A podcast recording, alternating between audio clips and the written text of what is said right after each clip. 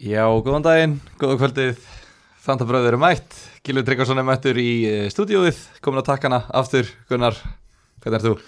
Ég er bara mjög góður, gott að vera komin aftur stutt að pásu. Já, við, hérna, við erum búin að kvíla okkur meira á þessu tímabili heldur en allt síðasta tímabili heila Já, eiginlega sko. Komni með alvöru breytt í liðið og þar er ber helst að nefna mannin sem mættir alltaf. Eini gæði með 100% mætningu áskýringi Já, blæsa, vel, takk fyrir það. Takk fyrir góða engumu Heiður að vera í þriða, þriða skipti í byrjanleginu bara eins og sést, þá er ég kampa gátur í dag, mættur í Antóni á dreifinu minni Já, og því er ekkert annað, þetta er svona góða, góða helgi.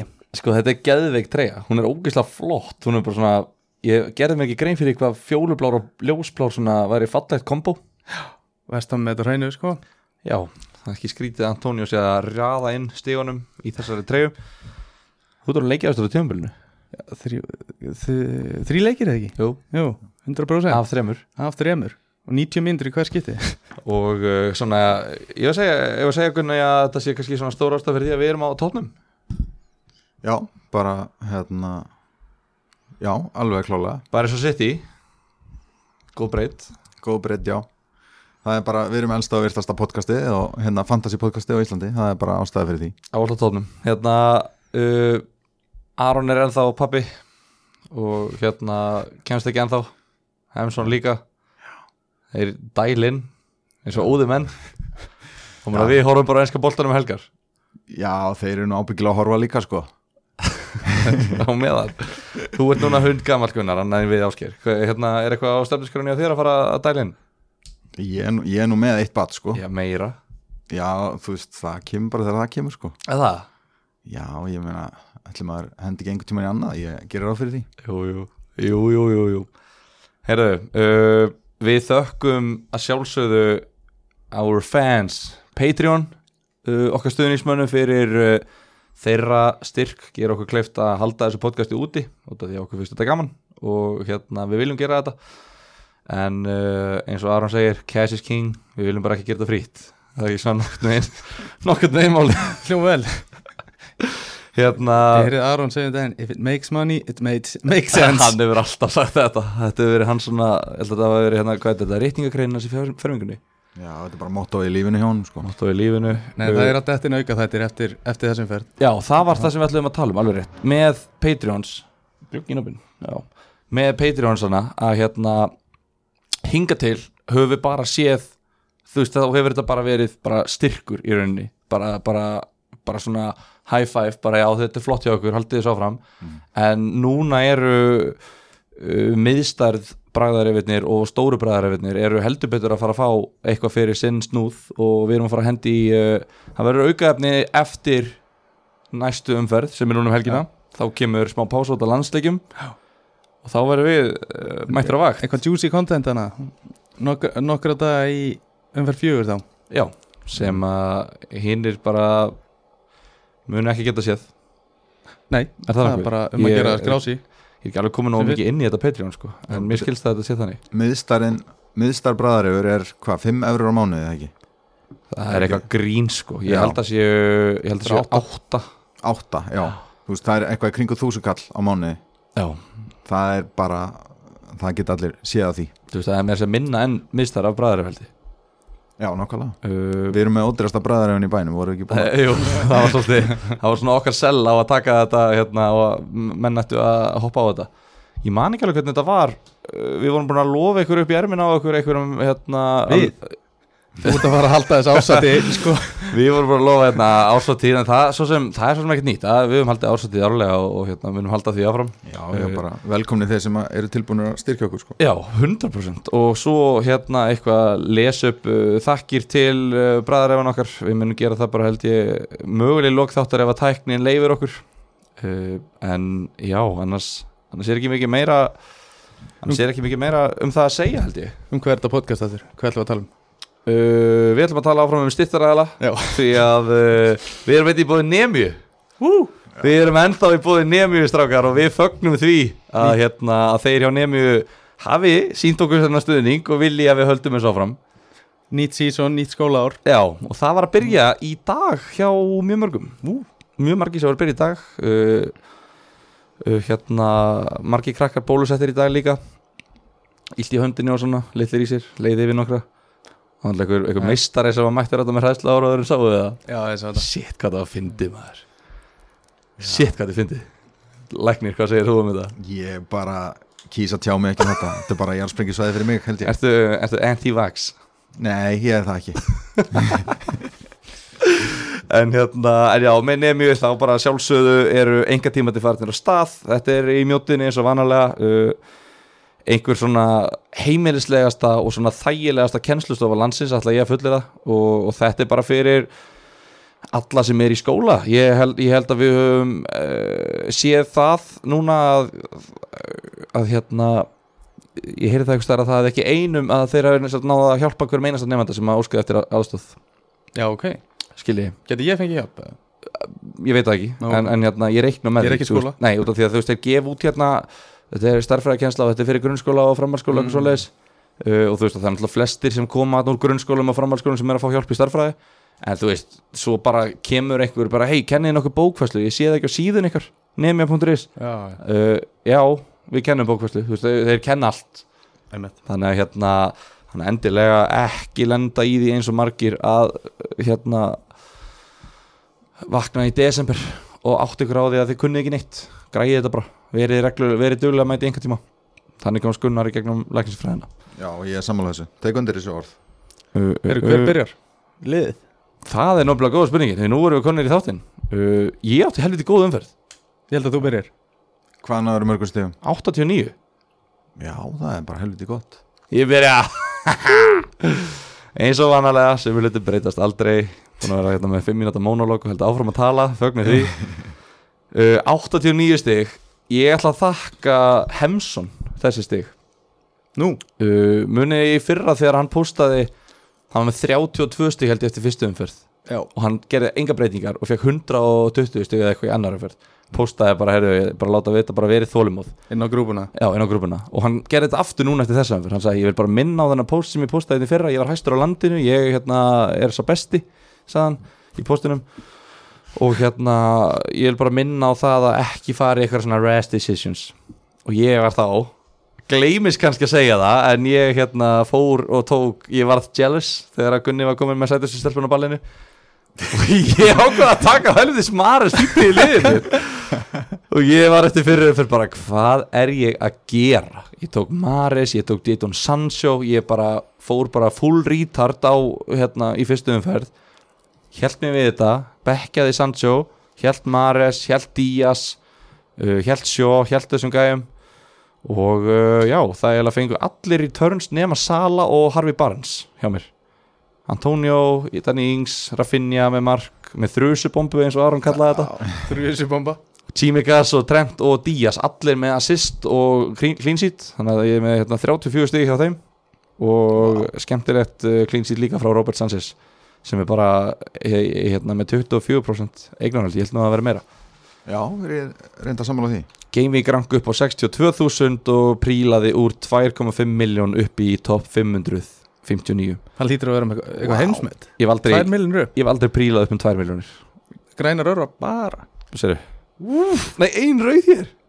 Það er, það er spurning hvað hérna Hemsson prílaði mikið eftir tvær umferð, Já. eða sérst í annar umferð í Það fyrra var verið svona 6 miljónir En þetta er allavega, maður er allavega komin í, í mixið. Gunnar, hvernig gekk þér? Mér gekk líka mjög vel.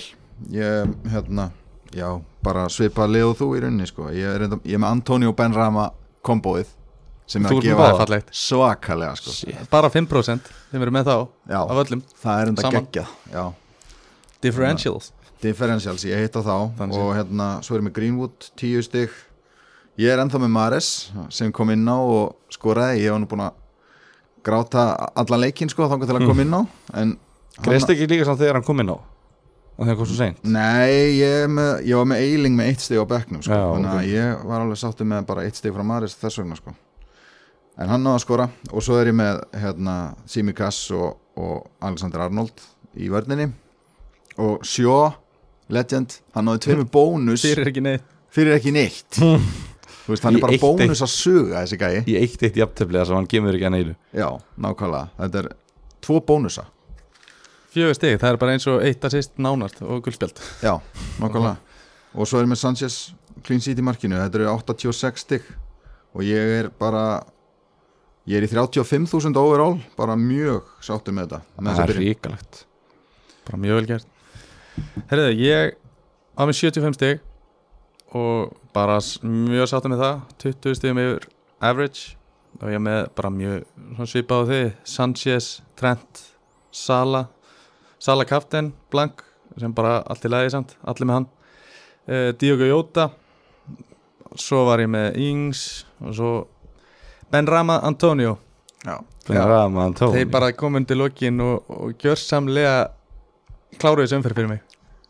Alveg bara björguðu geggjaðir. þessu Já, það er einmitt- 28 stig maður. Þetta með Sala einmitt að veist, menn voru mjög ósátti með Blank á kaftin já, Og með hann skoraði hann mark sem var Dæmt af út af tæpri rángstöðu úff, svo tæft Og svo hérna voru menn að óska þess að þeir hefði haft Bruno frekar sko. Þess að hann fekk eitt stig.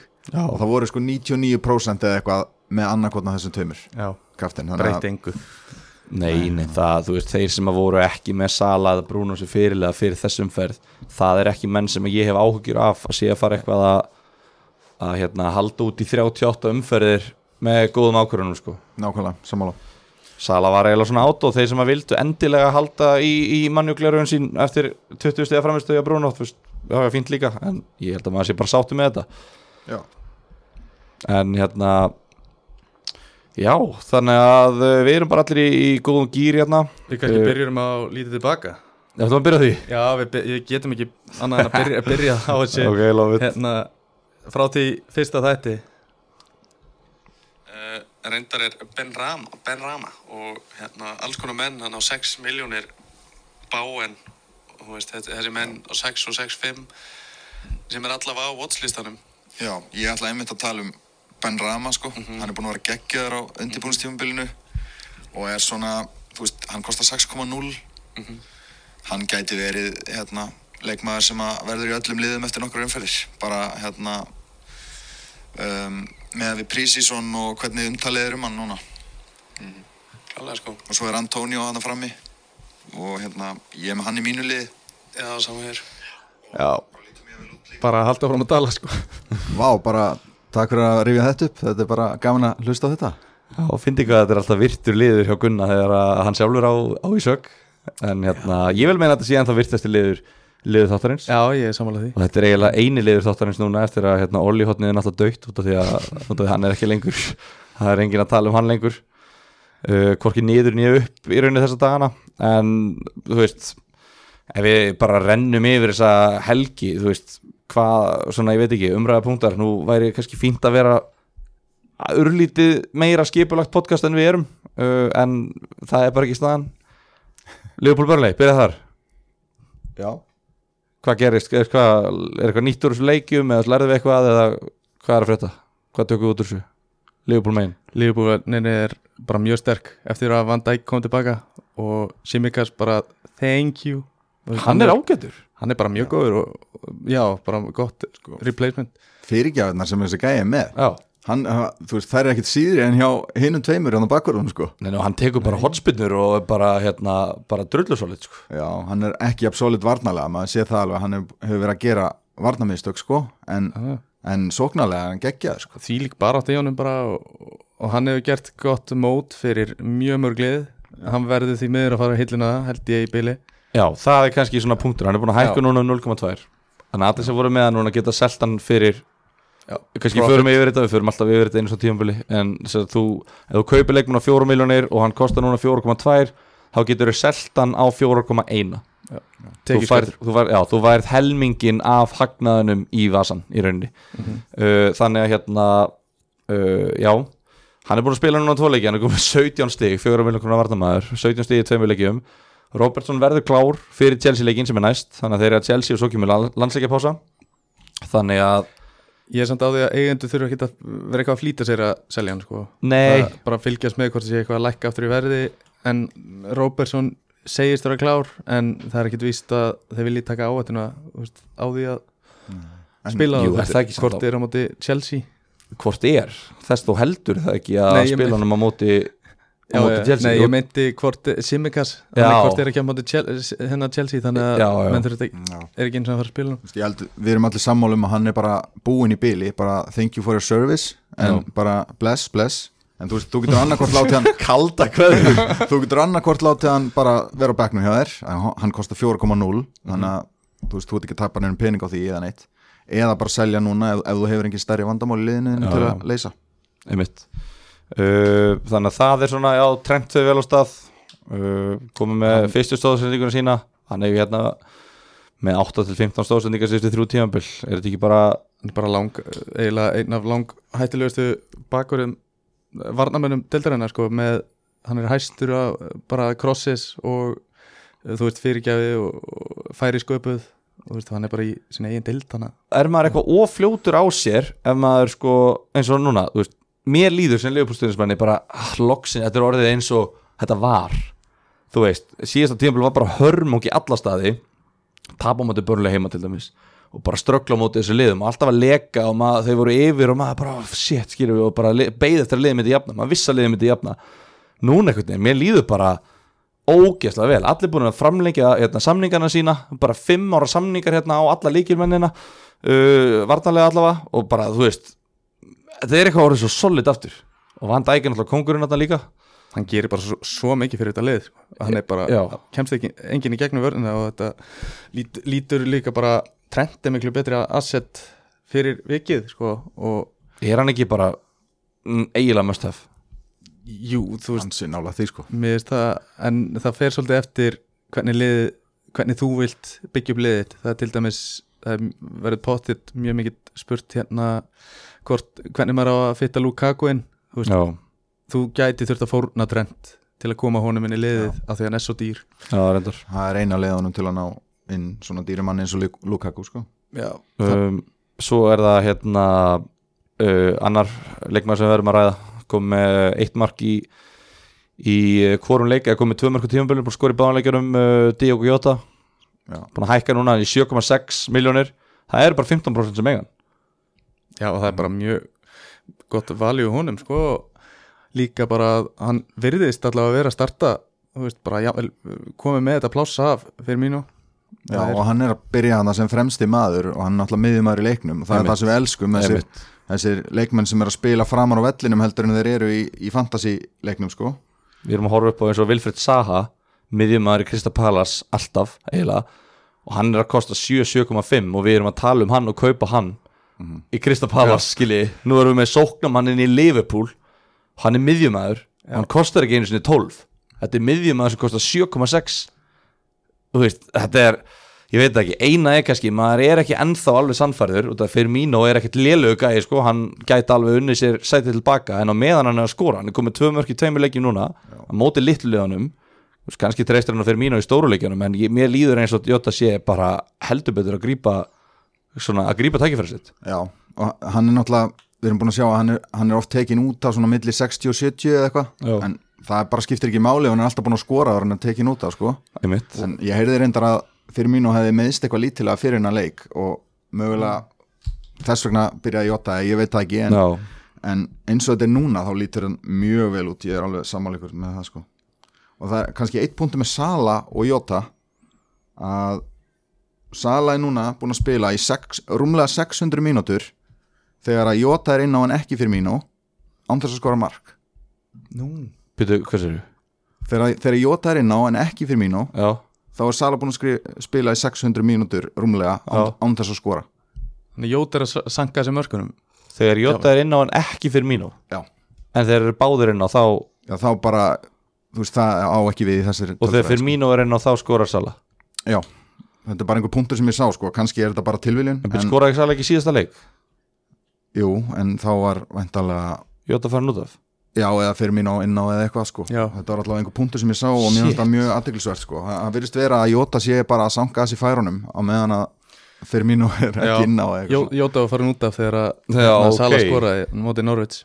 Já og við náttúrulega, náttúrulega þú veist, kemur einhverjum á óvart veist, þetta er, þetta er, alveg, þú veist, þetta er geggjaða punktur en þetta kemur kannski ekki óvart út af hvernig leikmaður fyrir mínu er og hvernig leikmaður Jota er. Jota er bara miklu meira direkt og keiri bara á þetta og, og er þetta bara fremstur. Og meðan fyrir mínu er miklu meira að skapa fyrir leikmennina sína hennar sína. Jóta skora mikið inn í teig Er að skalla fær, En hvað erum við þá að taka út úr þessu? Erum við þá bara að taka út úr þessu bara að selja sala eða hvað, Nei, alls ekki sko, alls ekki. En þú veist, ég held að fyrir mínu er alltaf að fara að spila eitthvað sko. Já, og hérna, þú veist, ég held að held að þetta sé meira tilviljun sko að þetta sé svona, þetta er ekki alveg svona slemt sko, Nei, okay. en mér fannst það bara mjög áhugaverðu punktur. Já, já. Heyrðu, uh, lítið meira með þetta að segja. Aston Villa heldur hreinu. Uh, Erum við bara að fara í saman pakka í Aston Villa? Já, kannski það sem var áhugavert í þeim leik er að hérna, El Ghazi tók víti. Já, með- staðfestingun á því. Já, við hérna í rauninni var hægt að vita þetta því að hann, þeir fengu víti í síðasta æfingalegnum fyrir tímabilið þar sem hann bæði El Ghazi og Ings voru inn á og þá tók El Ghazi líka víti. Já, þannig að en einhverju voru að gera sér vonur um að Ings væri komið með vítina því að hann skoraði í síðasta leiku víti og svona. En þá var Þegar- ekki sikina þá, þá var El Ghazi ekki inn á einmitt. En já, Ég fekk, ekki ég fekk smá vona næsta þá sko.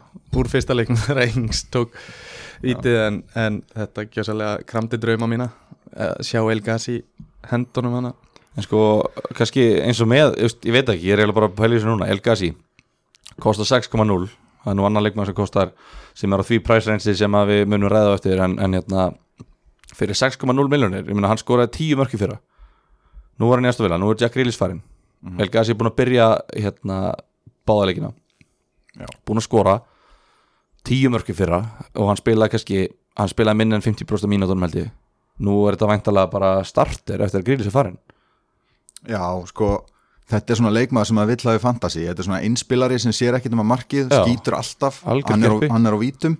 En þú veist, gallin við hann er mjög stóra, þú veist, þeir eru konum með búin díja núna, þeir eru konum líka með hann Bailey sem er lítilega mittur og er að koma tilbaka, Já, þeir eru konum með mikla breyta þessum sóknar miðumunum ég held að hann sé ekkit neild í, í starter sko. Já, hann er alltaf að fara að fá fullt af mínútum en ég hef svolítið áhyggjur, maður vill alltaf vera með menn sem spila eiginlega alltaf allan leikin sko. já. Mér líður eins og hann sé alltaf tekin út af svona 60-70 Nefna í síðasta. Já, Mér 60 í fyrsta leik, 90 Já. núna.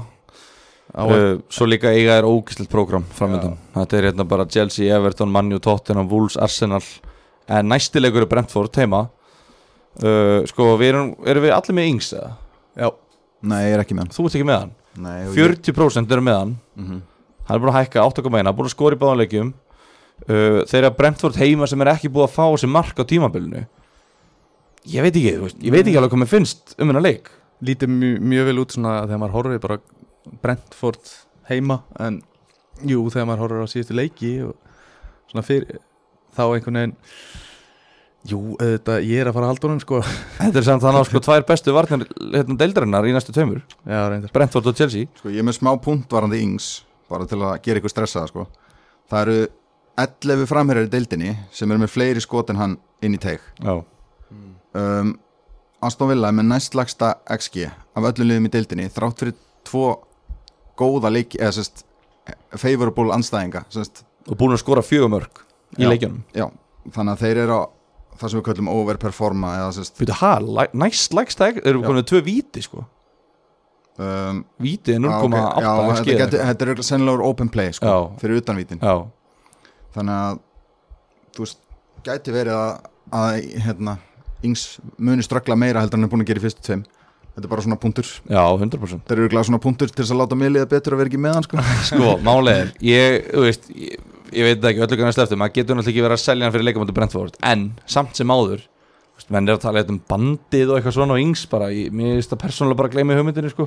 Já, ég, ég er reyndar ég var að segja ég var að fara að halda honum ég ætla samt að sko, fylgjast vel með öðru leikmunum á þessu hérna, verðbili eins og Carlos Lúin og svona sem við tölum kannski betur um á eftir. Já, að hérna, ef að ef ég er að missa eitthvað valjú í liðinu mínu á því að halda honum yfir leika því að ég er alltaf að fara að taka yngseldi út eftir hennar Brentford leik nákvæmlega þannig að af hverju ekki bara taka hann út fyrir leikin ef að það byggir upp eitthvað valjú einmitt, á, á móti liðinu sem að hefur ekki fengið á sér tí- mark, skilur við og það, við getum bara farið beint yfir í yfir í hérna Leeds Everton, bara þú veist, þar eru við með Carlos Lewin sem að er Já. líka búin að skora í dömuleikjum. Og hann er að taka vítin fyrir Já. Everton. Hann er með mjög góða undirleikjandi tölfræði.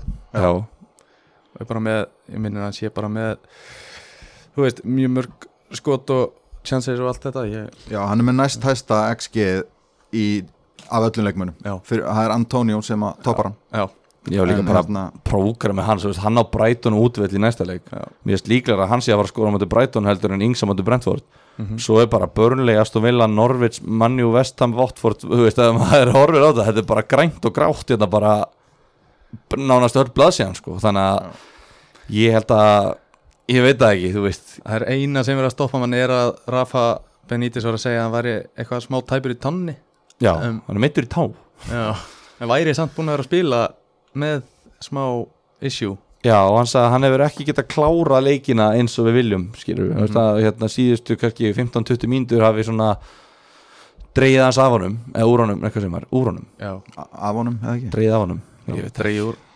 Ég veit það ekki, ég er ekki íslensku fræðingur, en hérna, já, allavega, að hann hafi hérna, þú veist, já, og sé meittur, en geti spilað, þetta er, þetta er drullu óþægilegt að vera að hugsa, að, að heyra þetta um leikmann sem að maður er að pæla að kaupa, Já, ég nefnilega var vel pyrraður þegar þú sendir henn að punta á okkur Cody Rafa, hann væri Já. tæpur sko en ef maður ættan þá er þetta bara, já en ég meina hann er að spila ég held honum auðvitað, en þegar maður langar að kaupa hann, já, þá er maður bara pýtu, er ég eitthvað rugglaður að selja hérna yng sem er neldur starter fyrir tæp, eða, þetta er alveg svona og, og, hvað gerist þegar hann meiðist svo ef, að- ef að táin bara, þú veist, brotnar og bara fjóra vikur eða eitthvað, það myndi tjúlast sko Þetta er náttúrulega það sem maður, þú veist maður er að gera sjálfur sér þetta að spila hana leik. Þetta er alltaf eitthvað, já. maður er að horfa á eitthvað, hann er búin að hækku um, 0,1 í verði hérna og maður er að ströggla við, við að halda einhverju valjú í liðinu sinu og já, eitthvað svona Nei, nei, en þetta er það sem við, það sem við elskum vinna leik. Þetta er sem við elskum. En þú veist, annars, eins og í Leeds Everton þú veist, ég meina, Carlos Lúma skorar og Everton fer alveg bara ágætla stað, fjögur stigur þessum leikjum en nú bara, svona, þeir gátt ekki beðið neitt mikið meira en það. Nei. Uh, Eitt leikmaður hérna í vörninni Lukas Dinje sem að margir er að tala um að selja núna. Já, eh, ef ég væri með hann, ég myndi reyna honum í eitt leik. Já, vegna þess að þeir eru að fara að spila í næsta leik á móti Brighton sem að er lið sem að fær mjög mikið að færum á sig eftir först leikadriði og Dinja er að taka þau. Og hérna síðan er varnatölfræðin hjá Everton er skárri en maður myndi búast við.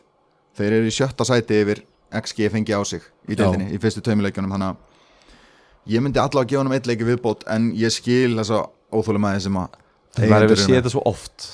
Þetta er svo mikið þetta er svo já, maður hefur séð þetta svo ógeðslega oft. Þetta eru tveir leiki búinir sko. Eru bara, En líka næsti leikur, hérna Brighton alltaf það er vandraði vörninu þeirra. Mhm. og bara meðsli og COVID og er það ekki, er ekki Veltmann er að hérna, einangra sig Jú, það er eitthvað COVID-19 þar. Börnveitur eða eitthvað þannig að það það er allavega ég er með hann og ég hugsa í haldunum ég, er, er ekki frá því að taka sjó frekar út sko. já. Dinja, segir, ertu með Dinja? já ég er með já, já, En líka bara út af því að við erum búin að tala um þetta maður er ekki með dinni fyrir leik, hann kostar 5,5 þú Já. veist, ef þið vantar hérna clean sheet, þá fer ekki Everton á 5,5 þá myndir þú frekar fara bara já, bara eitthvað annað. Já, og hérna og þetta er gæði sem er búin að koma núna að 8 til 9 mörgum öll þrjú tífambilina í ennsku döldinni það er í fjórðakörjum leik sem, að, sem hann er að koma þá að marki. Og ef menn ætla að vera brjálar eftir tvo leiki hans ekki búin að koma að marki þá eru menn bara ekki að með gæjan á réttum forsöndum út af því að þá eru menn bara ekki að hugsa þetta rétt finnst mér. Þannig að ég held að, að ef maður horfður þetta út utanfrá þá getur maður ekki selta núna en ef ég, ég veit hins vegar ef ég væri með hann af því ég hef oft verið í þessari stöð að vera með hann ég veit að ég væri að selja hann akkurat núna og ég væri að brjálast. Já ég, þið hlustundu sem eru með hann þið, ég bara er með ykkur í liði. Já, en við erum að segja samt hlustundum að þetta meikar ekki sens og treystu okkur fyrir því. En skiljum ykkur samt. Já, því að því að við rétt á ykkar tilfinningum og hérna, já. Og við skiljum ykkur og hérna bara byrjum virðingu fyrir ykkar álitum prógrami hjá Everton er bara eiginlega aðeins og gott til þess að finnst mér vera að selja hann sko. Já, Ég- Burnley heima og Norvits heima tveir á næstu fjórum já, eða þú ætlar einhvern tímann að Brighton. halda hreinu líka Brighton aðstofila þetta er þetta, ég, þetta lítur allavega vel út næstu leikir vonandi bara rífum sér í gang. Fær alltaf ekki núlstig þú veist hægt að fá núlstig Það er svo róttulegt kemur eitt eða tvö þú veist hvað bara um eitthvað. Hef maður sér þessi núlstið þá bara, jæja, hver fæ ég inn á Nei, nei ég verð hér. Ég held ég var að fá Beisúma inn á með áttastegin Ógeðslegt sko. Já. En uh, í, í Leeds Þeir svona Ég veit það ekki Það er einhvern veginn Það er alltaf fjöri kríku það sko. Já, það er, já. það er bara unun að horfa að Rafinha til dæmis spila. Hann er bara svo Það er bara, hann allavega fellur ekki á því eye-test eins og maður segir. Nei, Þá hann er, hann er rosalegur. 6,5 og ég meina hann skora með, með hérna, þrjusubombu Já. Það er eitthvað krútlegast ára sem ég heyrt. Bara Aron ég elska þig. Það er hérna Það var sem hann væri sjö ára. Skrifa tjatti Strákur, Rafinha var að skora með þrjusubombu Gekkjaður sko. En hann er komin á blað og það er ekkert mikið meira í þessu í þessu lýtsliði sem við erum að tala um með þannig Nei, Ég er náttúrulega með eiling sko. Já, Þú ert með hann í liðinu? Já, ég er með hann. Upp á sóknina þá? Hann er búin að sitja á bekknum hjá mér. Fyrstu tvær umferðir, en hann kemur í liði í næstu umferð. Á er hann ekki að fara að spila Hafsend? Hérna frá um, Ég hef reyndar ekki heyrt það sko en, en hérna Hann á börnlegi í næsta leik Þannig að ég geri bara kröfu á sheet þar, takk. Já, Já, þeir eru svo sem heldu nokkuð oft hreinu í fyrra og ekki dólulegt að þeir haldir hreinu í næsta leik. Uh, en já, þú veist, já, bara finn ég bara hvað erum við með hann, kaupa, selja, halda? Hvar, hvar myndu við setja hann? ég myndur ekki þú veist, frekar kau- Þetta er svolítið erfitt. Já, Hvað kostar það? 6? 6,5 6,5 Ég myndur ég ekki að halda það, sko. Af því að ég ég myndi frekar fara í 7,5 og það eru svo mikið að góðu valmöguleikum þar. Já, Þú veist, það vorst ekki með Jóta eða Greenwood eða eitthvað Ég, Ég samt ekki, hef ekkert á móti að kaupa honum. Kaupa hann Nei, ég, ég held ég að segja kaupa sko. Ég, ég er alveg að pæli að kaupa hann. Mér finnst Bara- hann kaupa eiginlega. Já, þú veist, þeir eru með ágætis prógram framundan, hann lítur mjög vel út og þú veist, á þessu verði það hann og Ben Rama eru bara eiginlega best value miðjumenninir í leiknum finnst mér sko. Já, sko, ágætis, prógram? ágætis prógram? er Ég understatement. segi bara kaupa. Þetta er ruggla prógram út á okkurna oktober Þetta er bara, farið bara horfið á þetta prógram. Þetta er, þetta er rosalegt sko. Þannig að, já, ég eiginlega Jú, við erum alltaf með Ben Rama þarna sem að, þú veist, er, er að stela fyrirsögnunum og, og fá all stíin og allt þetta. En ég veit það ekki, við vitum að Rafinha getur skorað og lagt upp 16 mörg á tímabili. Út af því að hann gerði það í fyrra, ég menn hann bjóð til 16 mörg í fyrra. Og hann var meittur sko margaleiki Já, hann spilaði svona tvo þriðja á tímabilinu. Já. allavega í mínútum, hann með 2300 mínútur en ekki hvað, 3200 eða hvað er eitt leikur?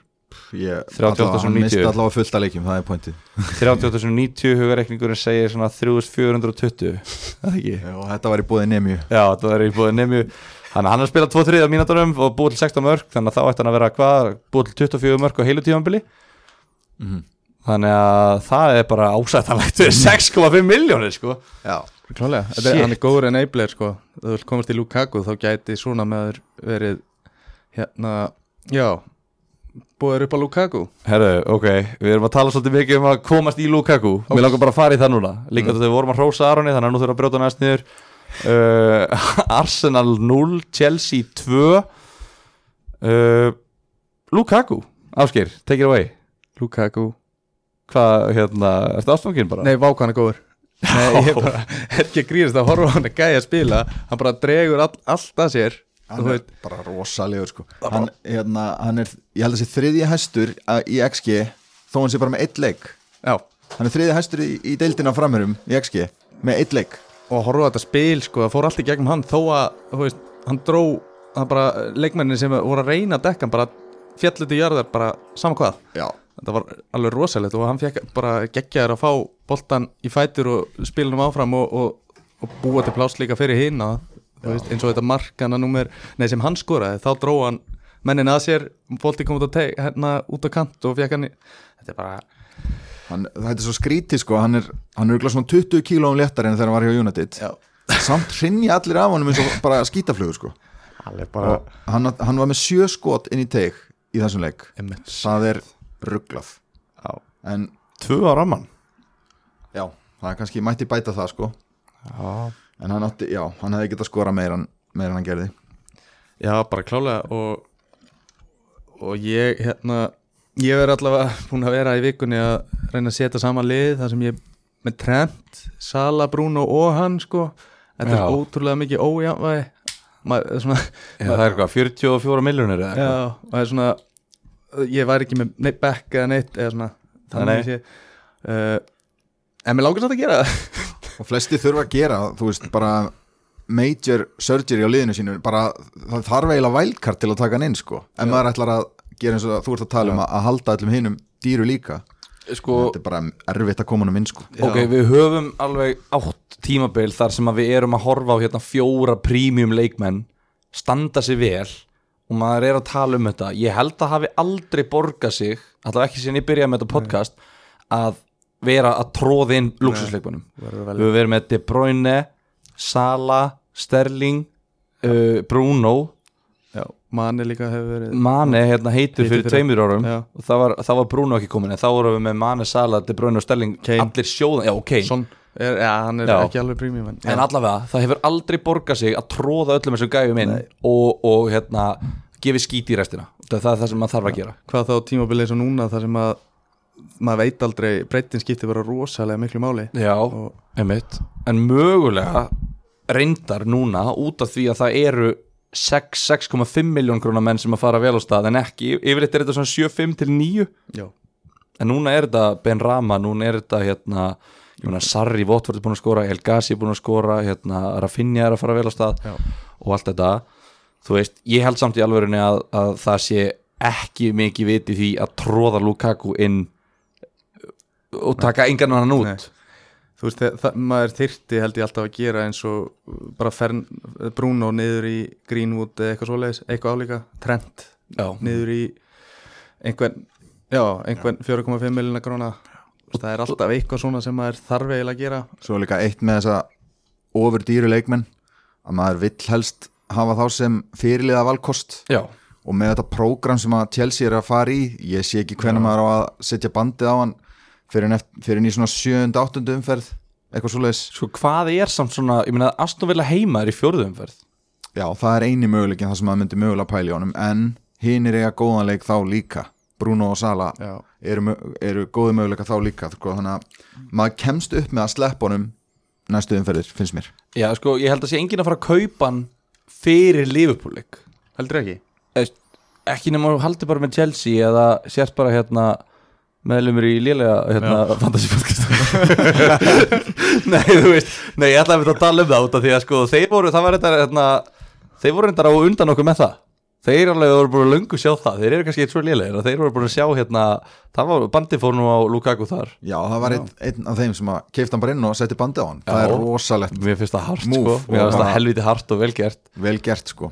Uh, þannig hérna, en svona þú veist kannski endurspeglar ekki mat uh, almennings, eða svona hildarmatið Nei, þannig að ég held að það sé heldur að sé ykkur að fara að kaupa fyrir Leopoldleikin það er potið fullt af fólki að vera að gera það en, en hvað sé gáðulegt þá hann, ég, ég, veit ekki. Hann, ég er ekki að vera að gera það. En ég Það er ef, maður, ef getur- geimt transfer Já. sitt, þá á maður kannski þá fyrir maður inn í landsleikjarlið með tvö transfer mm -hmm. og Chelsea á Aston Villa heima Tottenham úti er alveg það er ekkert ómöguleg viðraug þannig að þú veist, þá er þetta, þetta er basically bara Tottenham og City. Þetta eru tvei leiki sem hann er ekki vænlegu fyrirlega kostur og svo er hann bara Southampton, Brentford, Norwich Newcastle, Burnley. Já það er rönnið sem að maður vill taka hann inn fyrir. En, en af hverju ekki að taka hann fyrir Aston Villa leikin það er bara svo erfitt, hvað, ætlar að nota vælkardi núna eða? nei, ég er að segja, ef maður geymir transfer núna Já, ég allavega eins og ég sé fyrir mér allavega fyrir mitt lið liðin er svo mismöndi hvað Já, fólk já. getur gert. Hugsaðu um eitthvað annan en sjálfa og tala hérna við þúsundum hans sem þurfa ráð. Já, við erum að tala um að hann er geggjaðu kostur en það er möguleiki að býða með hann eða taka hann inn, ég meina ég allavega mitt plan er að geima hann aðeins ég meina svo flækir þetta verð er alveg óþólandi að verð hækka hækki verði og, og þannig alltaf flækir og svo mikið.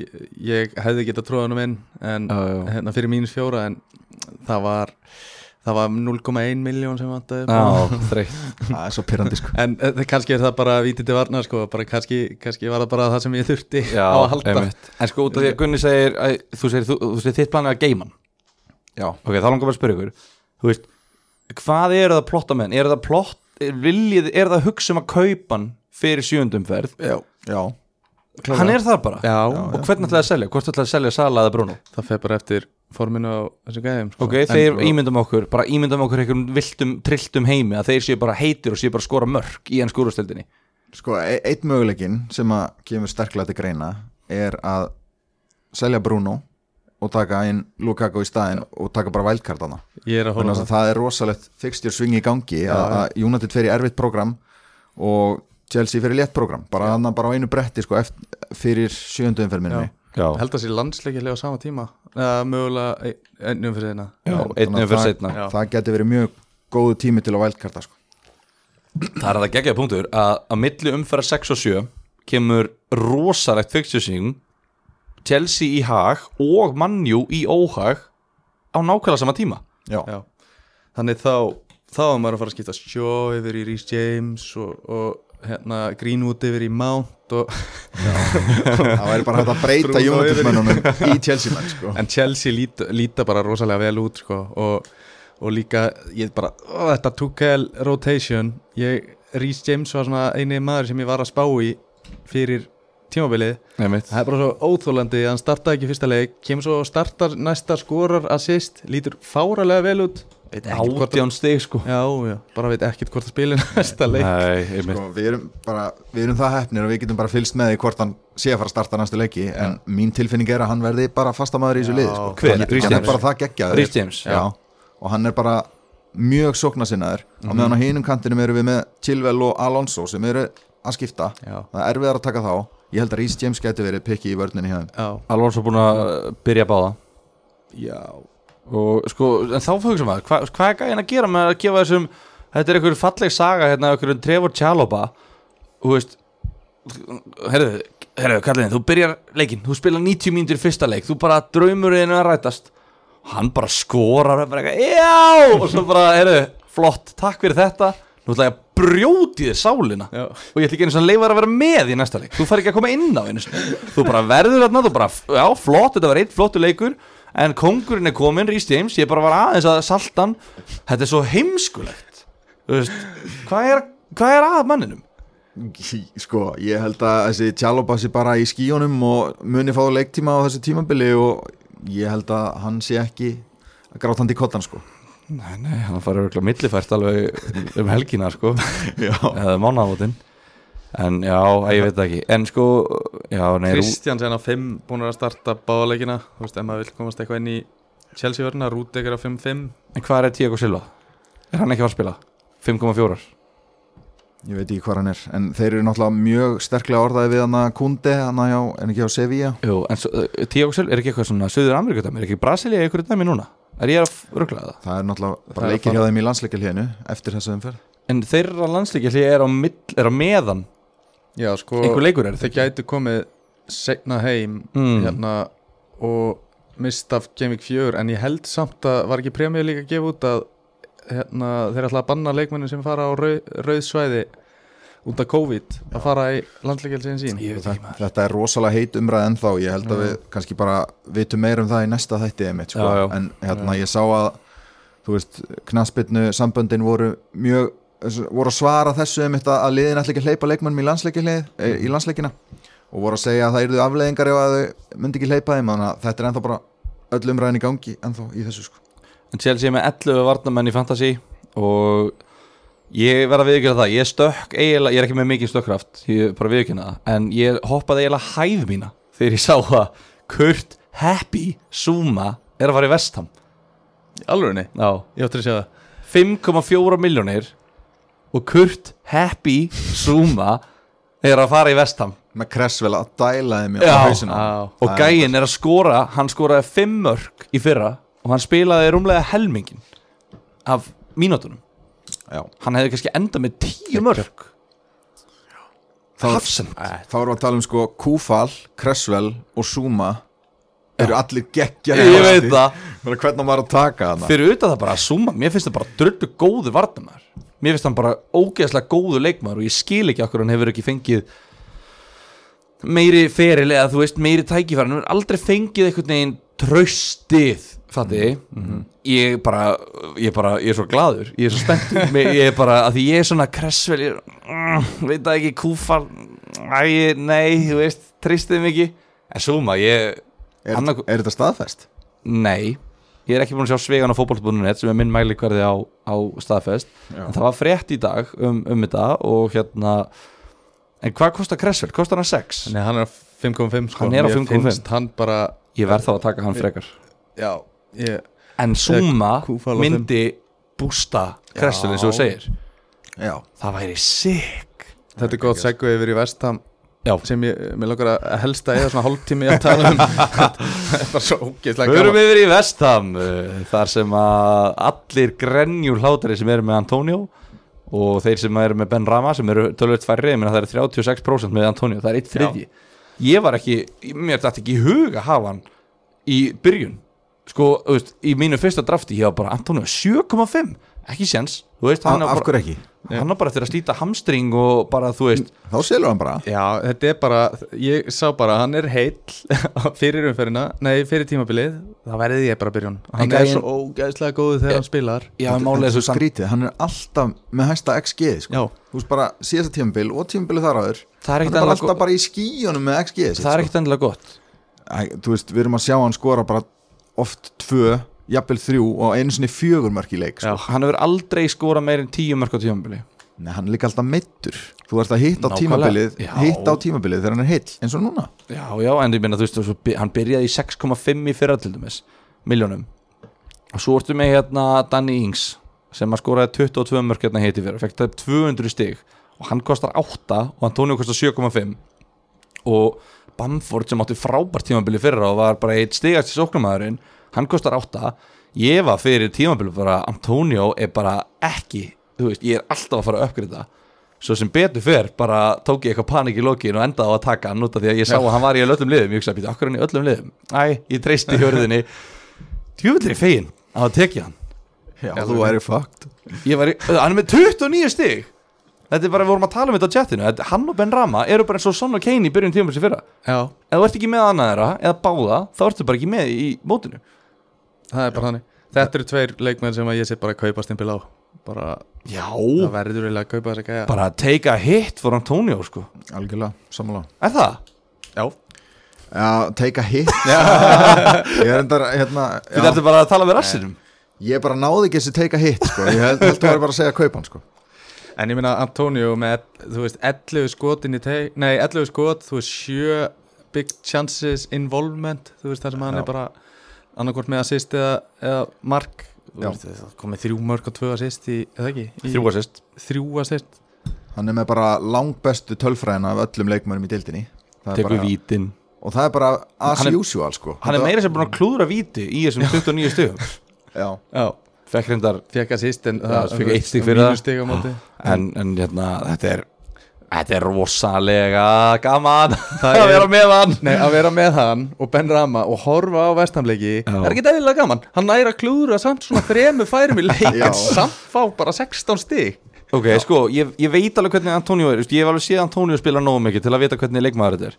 En Ben Rama uh, ég hef ekki séð Vestam á þessu tjómbili ég hef ekki náðu að horfa ég var bara frekar leiður að missa af þessum leik hérna Vestam Lester uh, núna í gær er þetta sustainable út af því að hann náði aldrei að verða eitthvað leikmaður í, í fyrra hjá Vestam það var út af Lingard. Eða svona hann er að spila rólið þjá honum og, en þetta er, þeir eru að spila mjög svona góðan og, og hraðan bolta sko með Fornals og Báan líka. Og þe þeir eru bara ógeðslega góðir með þessa bakverði sína og eru mjög, já, ég veit ekki hvað maður að segja benskittir og, og bara Antonio ef hann fær boltan í teg þá er það bara einhvern veginn þú veist, endar í einhverjum sirkus mark eða stöngin eða sláin eða þú veist bara monster í tegnum Hann er bara ekki það. hægt að segja neitt annað sko. en, en já, ég held að hann sé bara þú veist, við þurfum ekki einu svona ræðan hann er bara, Já. bara öskrandi kaupa Já, og bara núna strax þó hann sé búin að hækka 7,7 það er bara Já. no-brainer en ég er að pæla í Ben Rama sko út af því að við erum með Fornals á 6 við erum með Bóun á 6,5 Ben Rama á 6,2 ég veit alveg að hann er búin að skora 2 og leggja upp 2 þetta er rosalega flott hjá honum og hann er stigast í miðjumörnin leiknum bara til að hafa ekki með það. En er þetta sustainable eða þú veist, ég meina Fornals er með 13 stig. Hann er búin að skora eitt og leggja upp eitt hann er ekkert langt frá. Veist, því að við séð þessa leiki. Mm. e, veist, er Ben Rama bara kongur er þetta bara Ríad Maris í Lester dæmi eða hvernig Sko, ég, ég er endar ætlað að taka hans sem dæmi því að hann, Ríad Mares í Leicester kostaði 5,5 og hann er mitt byrjaði svona og maður var bara eitthvað að horfa á hann og bara, þetta, þetta er bara einhver gæi þetta verið búin eftir smá. Svo bara held þetta áfram og áfram og áfram, áfram. Og ég meina, við getum síðan sama gerast núna með Ben Rama og bara ég myndi ekki vilja missa af lestinni með hann. Sko, ég segja hans í kaupa líka. Þannig að þú heldur að Fornals hann, að hann er að fara að outperforma Fornals og Bowen já, ég segi það. Ég bara sé ekki af hverju maður ætti að kaupa þá þegar hann er allir er að mæti í þetta partí. Skilur af hverju ættir að fara í eitthvað annað partí sem engin er í?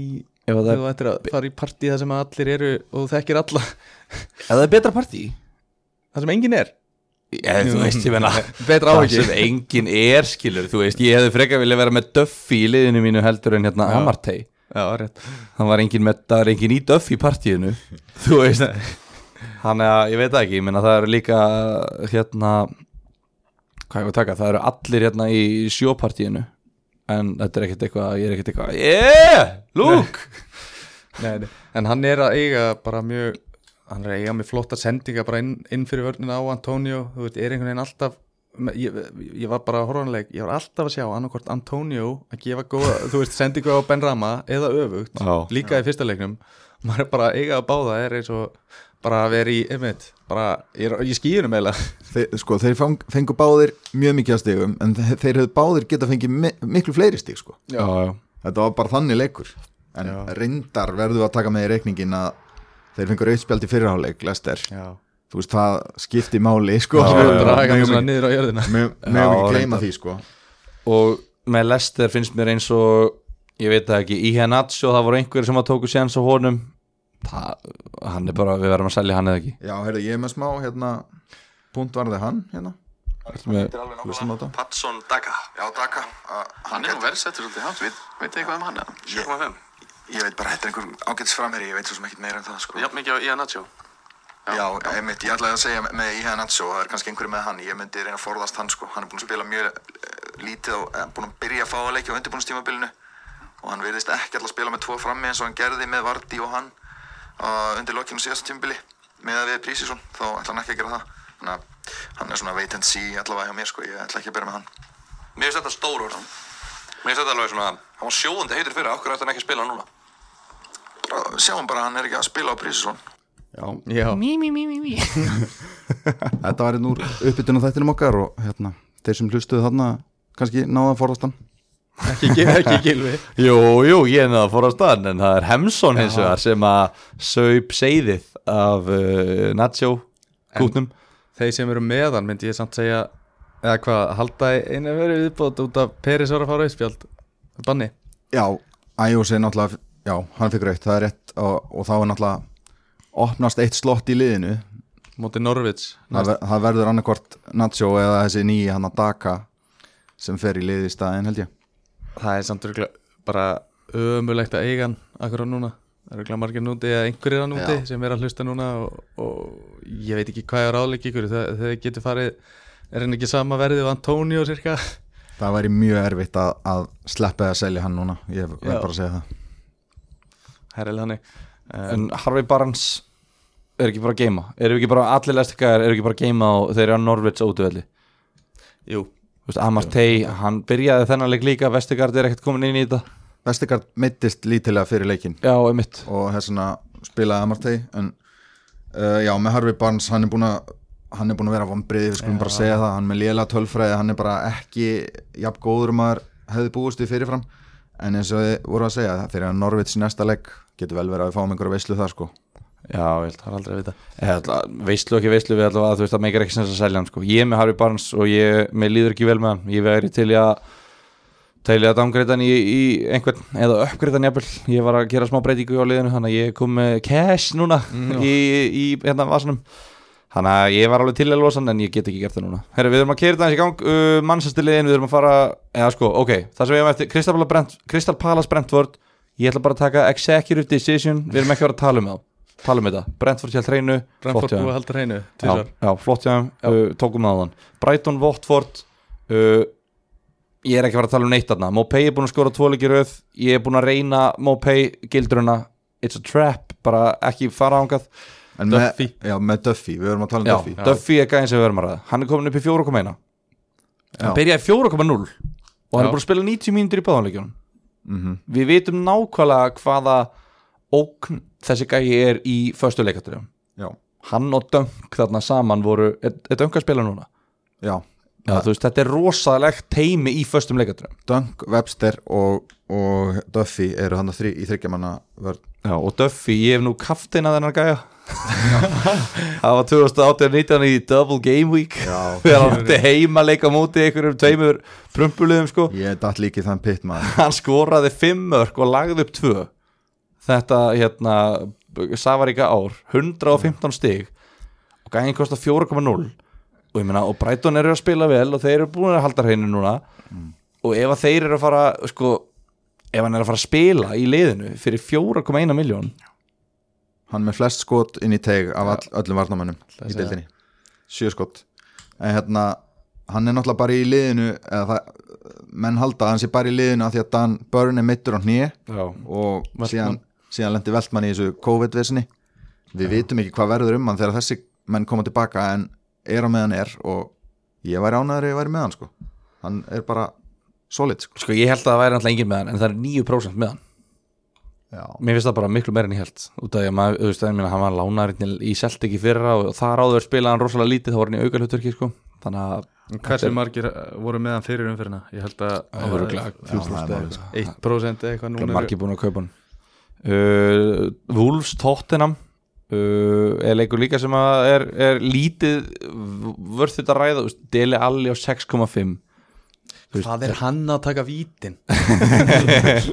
sko Kane er hlýtur nú að fara dett inn í liðið. Já, hann kom alltaf inn á þannig að þannig að ég allavega held að Dele Alli er, þó þeir eiga Watford og Kristapalas Dele Alli er ekkit í þessar umræður sem miðjumadur á 6,5 Nei og þetta með vítið sko hann fiskaða sjálfur og þetta er svona gæði sem rýfur boltan í frekjukasti og, og stýttir honum bara upp sko. Já, þannig að þannig að við erum ekki se- að pæla neitt í honum. En við erum að fá mikið spurningu til dæmis um vörnina í tóttina sem við erum búin að halda hreinur á tvoleikiröð við munum hvernig tíumbili í fyrra var. Það er sem að Hjálmar Örn vinu þáttarins og, og hérna fleiri tóttina menn voru búin að vinna deildina á Twitter eftir fyrstu 2-3 leikina á blúsandi sóknarleik. Og núna er maður að hugsa, ok, þú veist eru, er þetta sama rungið og ofmatið í byrjun, er þið búin að vinna deildina núna á varnarleik? Stafins og Sanchez. Ég var að segja að þeir eru búin að fá held ég næst flest skota sig inn í teig af öllu liðum sko. Já, ok. Og hérna, þannig þeir eru Lóri sinna alltaf bara búin að vera verja bara sjúklega mikið að hirða mörg bónustig. Þannig kannski já þeir eru búin að hvað, halda hreinu tvísvar en ég bara að sé engan annan sem að veist, er eitthvað það spennandi kostur. Ég er ekki að fara að kaupa dægir ég myndi mögulega reykja í lón já, eh, sko Wolves átti 25 skoti í þessum leik já. og með 1,66 í XG veist, þetta er ekki segir ekki alla söguna þegar hafi haldið hreinu sko. Já, og bara einmitt af þeim að, að, hvað átti dráður er mörg, skilur og hann er að, lærir að klára færi þá var bara geðveikt spennandi kostur í fyrir fantasy sko en hann þarf að læra að klára sko Já, já, það var líka geða spennandi Ég var líka spennandi fantasy kostur ef ég kemist í form sko. þetta, er bara, þetta er bara ekki fara að gera sko. Þú veist, Tráóri mun aldrei verða neitt fótballtamaður sko. uh, Sanchez á 4,5 Dægir á 4,5 Er ég eitthvað galinn? eða? Mér finnst þetta alveg sexy sko. Það gæti alveg orðið að ég, samt, ég myndi ekki stökka á hann bát núna sko. Ég myndi aðeins fylgjast með betur sko. Sanchez að 4,5 4,5 sko, að því, að því að ég, ég er að byrja þetta svolítið saman við það að við vorum að tala hérna um Ben White Já, fyrir ég- tímabil. Ég er að hugsa það líka. Á 4,5 í Arsenal sem er eitthvað lélegasta lið deildarinnar. Já. og bara við verðum að taka hann. Hann var í Brighton á 4 og hann er komin í Arsenal á 4,5 og hann spilar alla leiki. Býtu, halló, Tottenham eru búnir að halda hreinu í taumileikjum úti á móti Wolves og heima á móti City það er ekkert grín og prógramið þeirra er bara það er bara mjög fínt fram að sko umferð 25 myndi ég segja. Ok, hvern, hvern myndir þið taka í vörninni hjá þeim?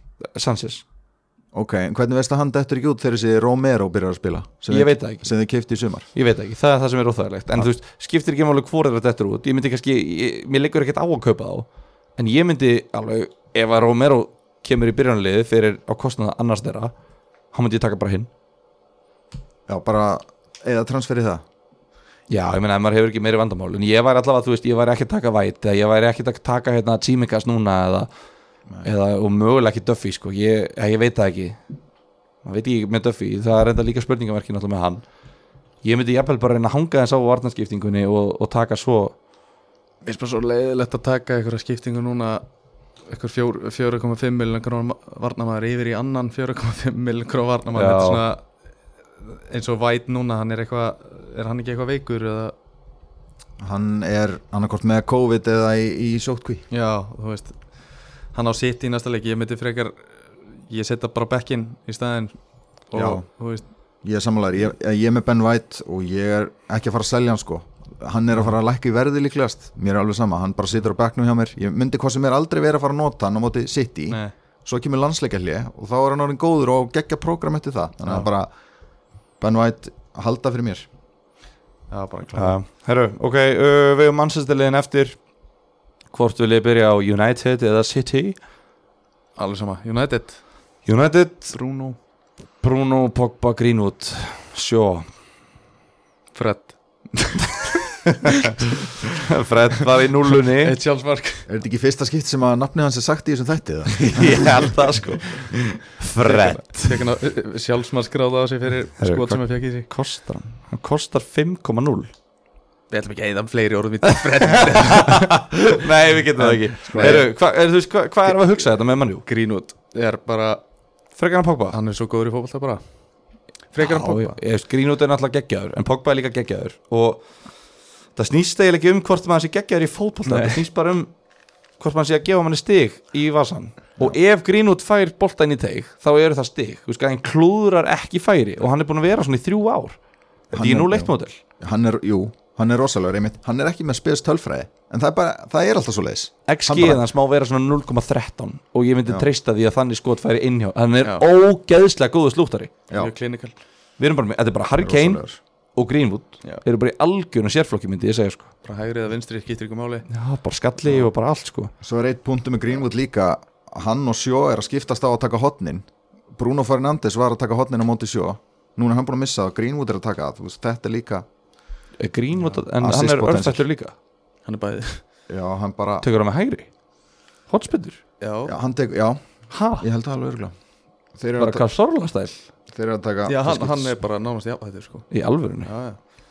Það er bara ok, vá hvað er niðurlægandi að láta gæja taka hotspindur með verri fætinum sínum þegar þú ert með svona tíu réttvætta gæja í byrjunleginu sko?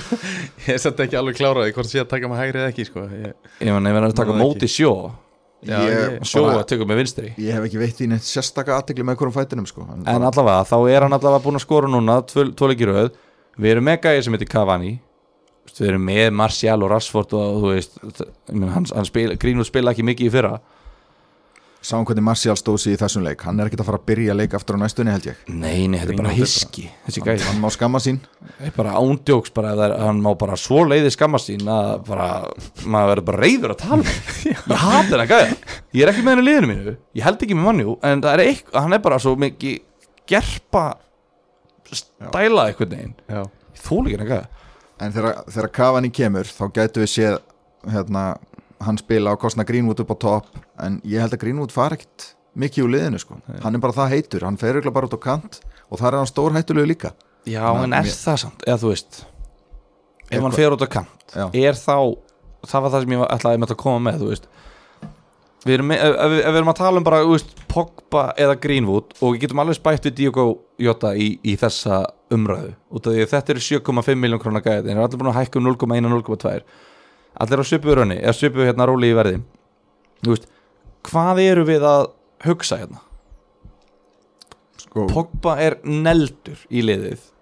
Eða ekki, hann, hann byrjar alla leiki alltaf þegar hann er heil Jú, eða ekki? Greenwood, veist, við vitum ekki stöðun hans í liðinu nei, og hvað, Pogba kom með fjórar stóðsendingar Já, Fimm lí, líka búin að vera mjög nálægt í að skora. Mér finnst Pogba líka að vera mjög góð kostur. Þú veist, að velja með þessa, milli þessara tveggja er erfitt. Hver ætla þetta ekki, já, Bruno tekur vítin Ég ætla bara að gleyma Bruno þetta En já, Pogba, þú veist, og ég meina hann var stórhættulegur fyrsta fyrstu 15-20 mínúturnar í þessum leik. Fekk hann ekki eitthvað færi hérna jú, jú, hann fær alltaf færi sko. í byrjun, eitthvað, eitthvað bara döðafæri uh, og 0, hann er með 0,7 XG fyrstu um skora. Þannig að hann er alveg að, einmitt að fá færi og mjög hættulegu líka með geggjaða sendingar mörg key passes. Já, þannig að ég veit ekki þú veist, ég menna svo spilar hann aftur á vellinum þetta, er, veist, þetta er svo erfitt að meta þetta hvað maður ætlar að velja þetta Greenwood spila frammi skráða miður maður veit ekki, það er líka og íkunni Já, ég held að hérna, ef ég var að velja hann á milli þá myndi ég taka Greenwood sko. Ég held það Æ, come on, Gilvi, please. Líka líkt af þessu gunni. Og ég bara.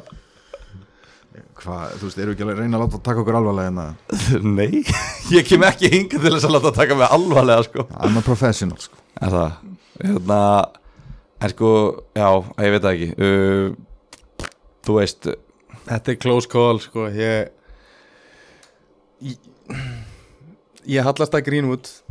Mér finnst það bara svo skemmtilegu leikmaður þú veist gaman að horfa hann skjóta. Það er þetta bara mjög gaman. Já, satt. gaman að horfa hann skjóta en, En erum við eitthvað að fara að kaupa þá núna? Fyrst þeir eru að fara í þetta, þetta fixtusving núna eftir, hvað, þrjár, fjóru umferðir? Eftir fjóru umferðir?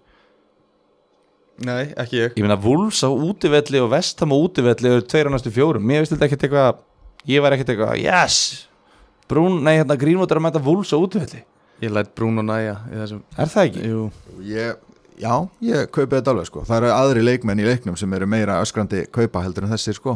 Þannig að við Bara- kvílum hans mannjú og endum þetta bara, þú veist, reynum að fara hratt yfir þetta. Sitt í vinnur 5-0 uh, Greili skorar fyrsta mark, marki með stæl. Já, og byrjar annan leikin í röð Já, sem er semi afreg að byrja tvo leiki í röð í Pep Rotation. Mjög góðar frétti fyrir hérna Greili eigendur. Já, og Pep var til dæmis að tala um Grílis á blaðmannfundi, hann var að segja þú veist að þegar að Störling kom til City þá væri hann ekki að hugsa mörk hann var ekki nógu gráðugur, markagráðugur. Og hann sagði við breyttum því bara strax við fórum bara strax í hugafarsbreytingu á honum bara mörk, mörk, mörk. Og nú er Störling orðin markavél, segir hann uh, sem á svo sem alveg deilum. En hann segir, Grílis, við þurfum að koma honum inn í sama, þú veist, við þurfum hann, að, hann er basically að segja, við ætlum að breyta þessum gæði, hann er með þessi gæði, hann er bara ekki nógu fokking eigingjað og bara aggressífur ég horfði á þetta og ég, svo fór ég inn á Fantasí og ég skoði að já ok, hann kostar 8 miljónir og hann var alveg nógu djöðli góður í fyrra og hitt í fyrra.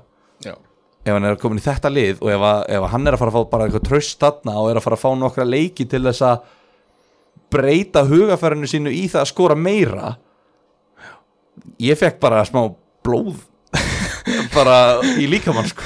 Það voru skotin í annari stelpu já, ég sá bara ég fór alveg að leita í kringum sko. Já, ok. I wanna recouple. Be couple Já, þetta er bara mjög er- áhugaverið punktu sko.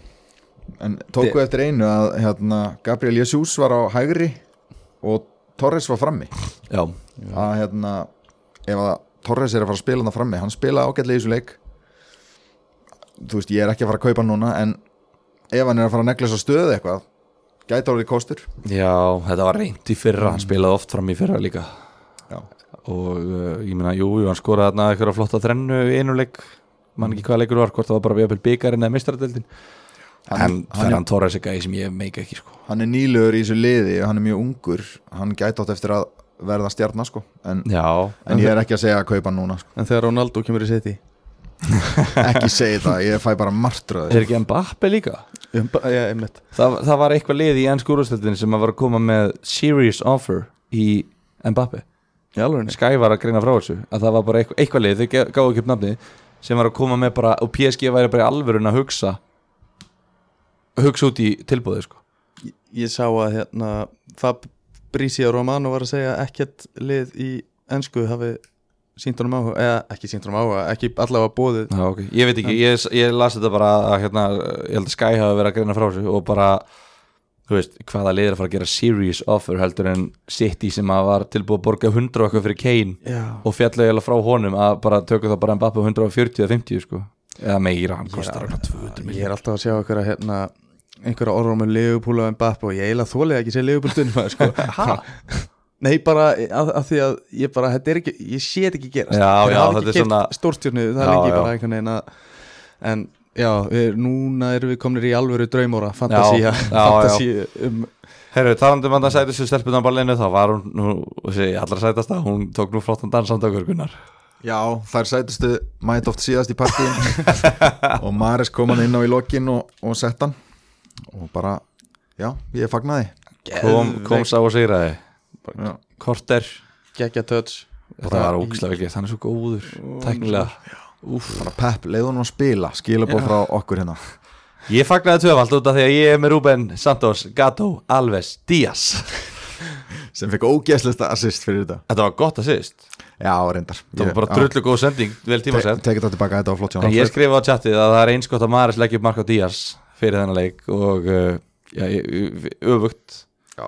Þannig að þetta slapp alveg svo sem uh, hérna Já, þú veist, annars ekkert eitthvað mikið meira um þetta að segja. Ég er alveg að pæla að taka grílis bara að vera bara með sko þrjá í sitt ég er alveg komið þangað, ég er bara, þú veist ég er bara fárveikur einstaklingur og ég þarf bara innlögn einhvers þar Ætlar ekki að selja Maris þá?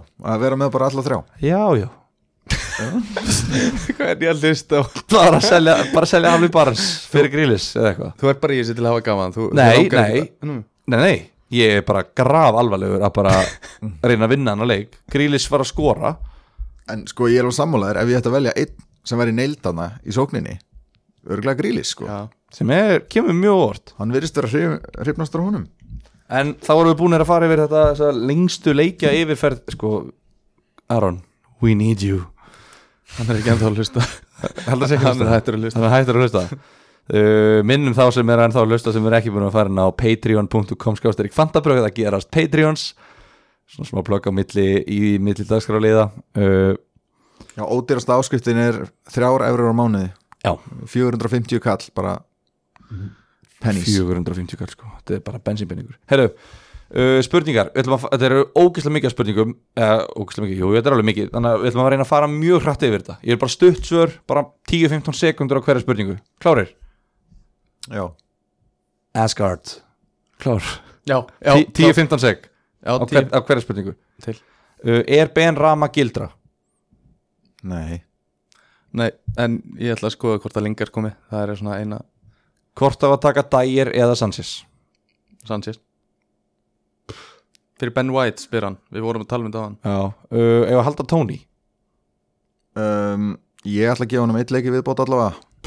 En sko, já, ég ætla einmitt að segja með Töluðum ekkert um Sáhantón Það er gæði þar sem heitir Adam Armstrong sem að leita ágætlega út, klúraði fullt af döðafærum Ég held að Vá hvað það lítur vel út. Bara Ég meina- music to my ears. þú þarft að komast í þessi færi. Hann var að spila móti United, þannig að hann var mjög stressaður. Þú ert líka að klára þau Var hann stressað? Hann skoraði, hann skoraði þremu mörgum færra en Tony í Champions Shit. Já, þessi, þessi gæði kostar 6,0 Já, örugglega. Hann gæti verið á vítunum hjá Sáhantón Hann kostar 6,0 Hefur heyrt um WordPress? Hann uh, Ok, hann Nei, greinlega ekki, uh, þeir- googla hann. er samt vítaskitta En WordPress er mjög góð líka. Hann er kongurinn En já, mér finnst hann vera möguleiki fyrir Tony. Hann er 0,5 ódýrri En ég gef Tony eitt leika viðbútt En það er alltaf, ég ætla ekki að banna mönnum að dangreita Tony til að gera eitthvað annar staðar í liðinu sinni sko. Ég verði ekkert Nei, ég meina hann kostar jafn mikið úr að finja Hann er dýrari en Ben Rama Ef við ætlum að taka hérna bara Svona mismunandi svona 4-3-3-3-5-2 eitthvað Já. að dæmi sko.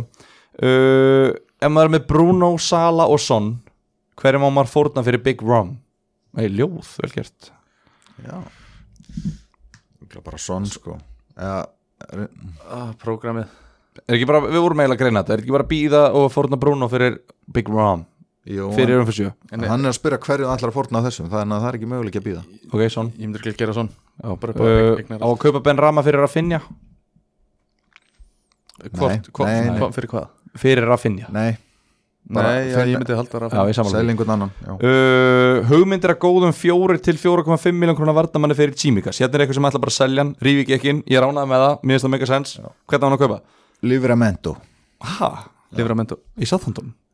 Hvernig á hann að kaupa? Livramento Ha, Livramento í Southampton Já, 4,0 já Hann er að spila óvala Hann er, að, hann er að spila mjög ofalega einmitt. Og er að fara að spila, áfram. Hann, æ, hann æðir endalist fram. Hann er að krossa mikið Og lítur mjög vel út fyrir 4,5 Nei, 4,0 Og hann er að fara að spila Eða er hann að fara að detta út úr liðinu eftir tværum fyrir Þegar einhver annar kemur inn? Ég held að hann sé að fara að spila. Ok. Ég er ekki 100% viss En ég held það. Ég hef ekki hugmynd um það ætla að selja Dinja góð picks í staðinn. Cresswell, uh, Gúfal mm, Kurt Happy Dawson. Nei, vestan. Nei, uh, Diop Masuaku. Díaz, Trent, er með hann. Nei, Trent. en ég alveg samt Mér veist Vestham, hérna Cresswell og Kúfal Það bara eftir, já. Hvort þú, þið vantur peningi eða ekki, sko. Ok, uh, er Wildcard sniðu hugmynd eftir landsleikilja? Eftir landlíka Já, Er hann, með, er hann þá að tala um í, í landsleika hlinu eða? Já, já, eftir, já, já, eftir þessum Já, ferð. eftir þessu umferð. Já, Þú veist, það, maður mælir alltaf með því að vælkarta í landsleika hlinu ef það er hægt en En eftir þrjárum fyrir. Það er nefnilega málið sko. þú, þú þarft að vera með mjög slæmt lið. Þú þarft að vera í slæmri stöðu til þess að rífi ekki ekki um það en Þú ég þarf að vera mjög lélegur þjálfar eftir þess að Wildcard eftir þrjárum fyrir ég meina ef þú ert með lélegt lið þá er þetta góðu tími til að vælkarta ég, Það er hérna, svona 70% af mönnum sem hafa í fyrstu þreymur fyrir ég get ekki mælt á móti nema ég viti liði, sko. Ég gerði þetta í fyrra, ég valkartaði umferð þrjú Bara í landlíka liði, byggðu upp bara team value. Þú stóðstu betur en Gunnið ekki í fyrra? Í fyrra, jú. Já, já, já. ok, og þú Wildcardaði kunnar um, Setna ég man það, já, nei við va, tókum allir í einu, ég þú og Aron. Tókum Já, allir eftir einhverjum fjórar, fimm umferðir eitthvað man, Tókum man hérna samrýnda hérna tíðaringin í fyrra. Alveg rétt. Herru, hversu mikið á maður að spá í verðbreytingum á leikmennum? Erum við mikið að, meira núna í byrjun tímabils heldur en eftir því sem líður ávandalega Jú. Mm, en mér finnst ég einhvern veginn ekki búin að vera að pæla mikið í verðbreytingum núna. Mér finnst ég vanalega að vera mikið að pæla í að byggja valjú og svona, veist þannig Sko, ef þú ert með rótin epli í liðinu og einhver sem að er gott pick er að fara að hækki verði ég, ég sé ekki af hverju og ættir ekki að skipt, þú veist, rífi ekki ekki inn um, þessar verðbreytingar eru þú veist leðild að bæli þeim og allt það en já það er eiginlega bara e- allavega ef að liðin eiga leik í miðrjumferðin svo í byggar eða Evrópu þá býður maður alltaf eða það er allavega reglan hjá mér. En því En- ekki ég, nei. Lendið þú ofar en Gunni fyrra já hann hefur hann unnið þetta. Hefur hann fengið í bolla sem heitir sá besti. Þú lifir á fórnir fræð.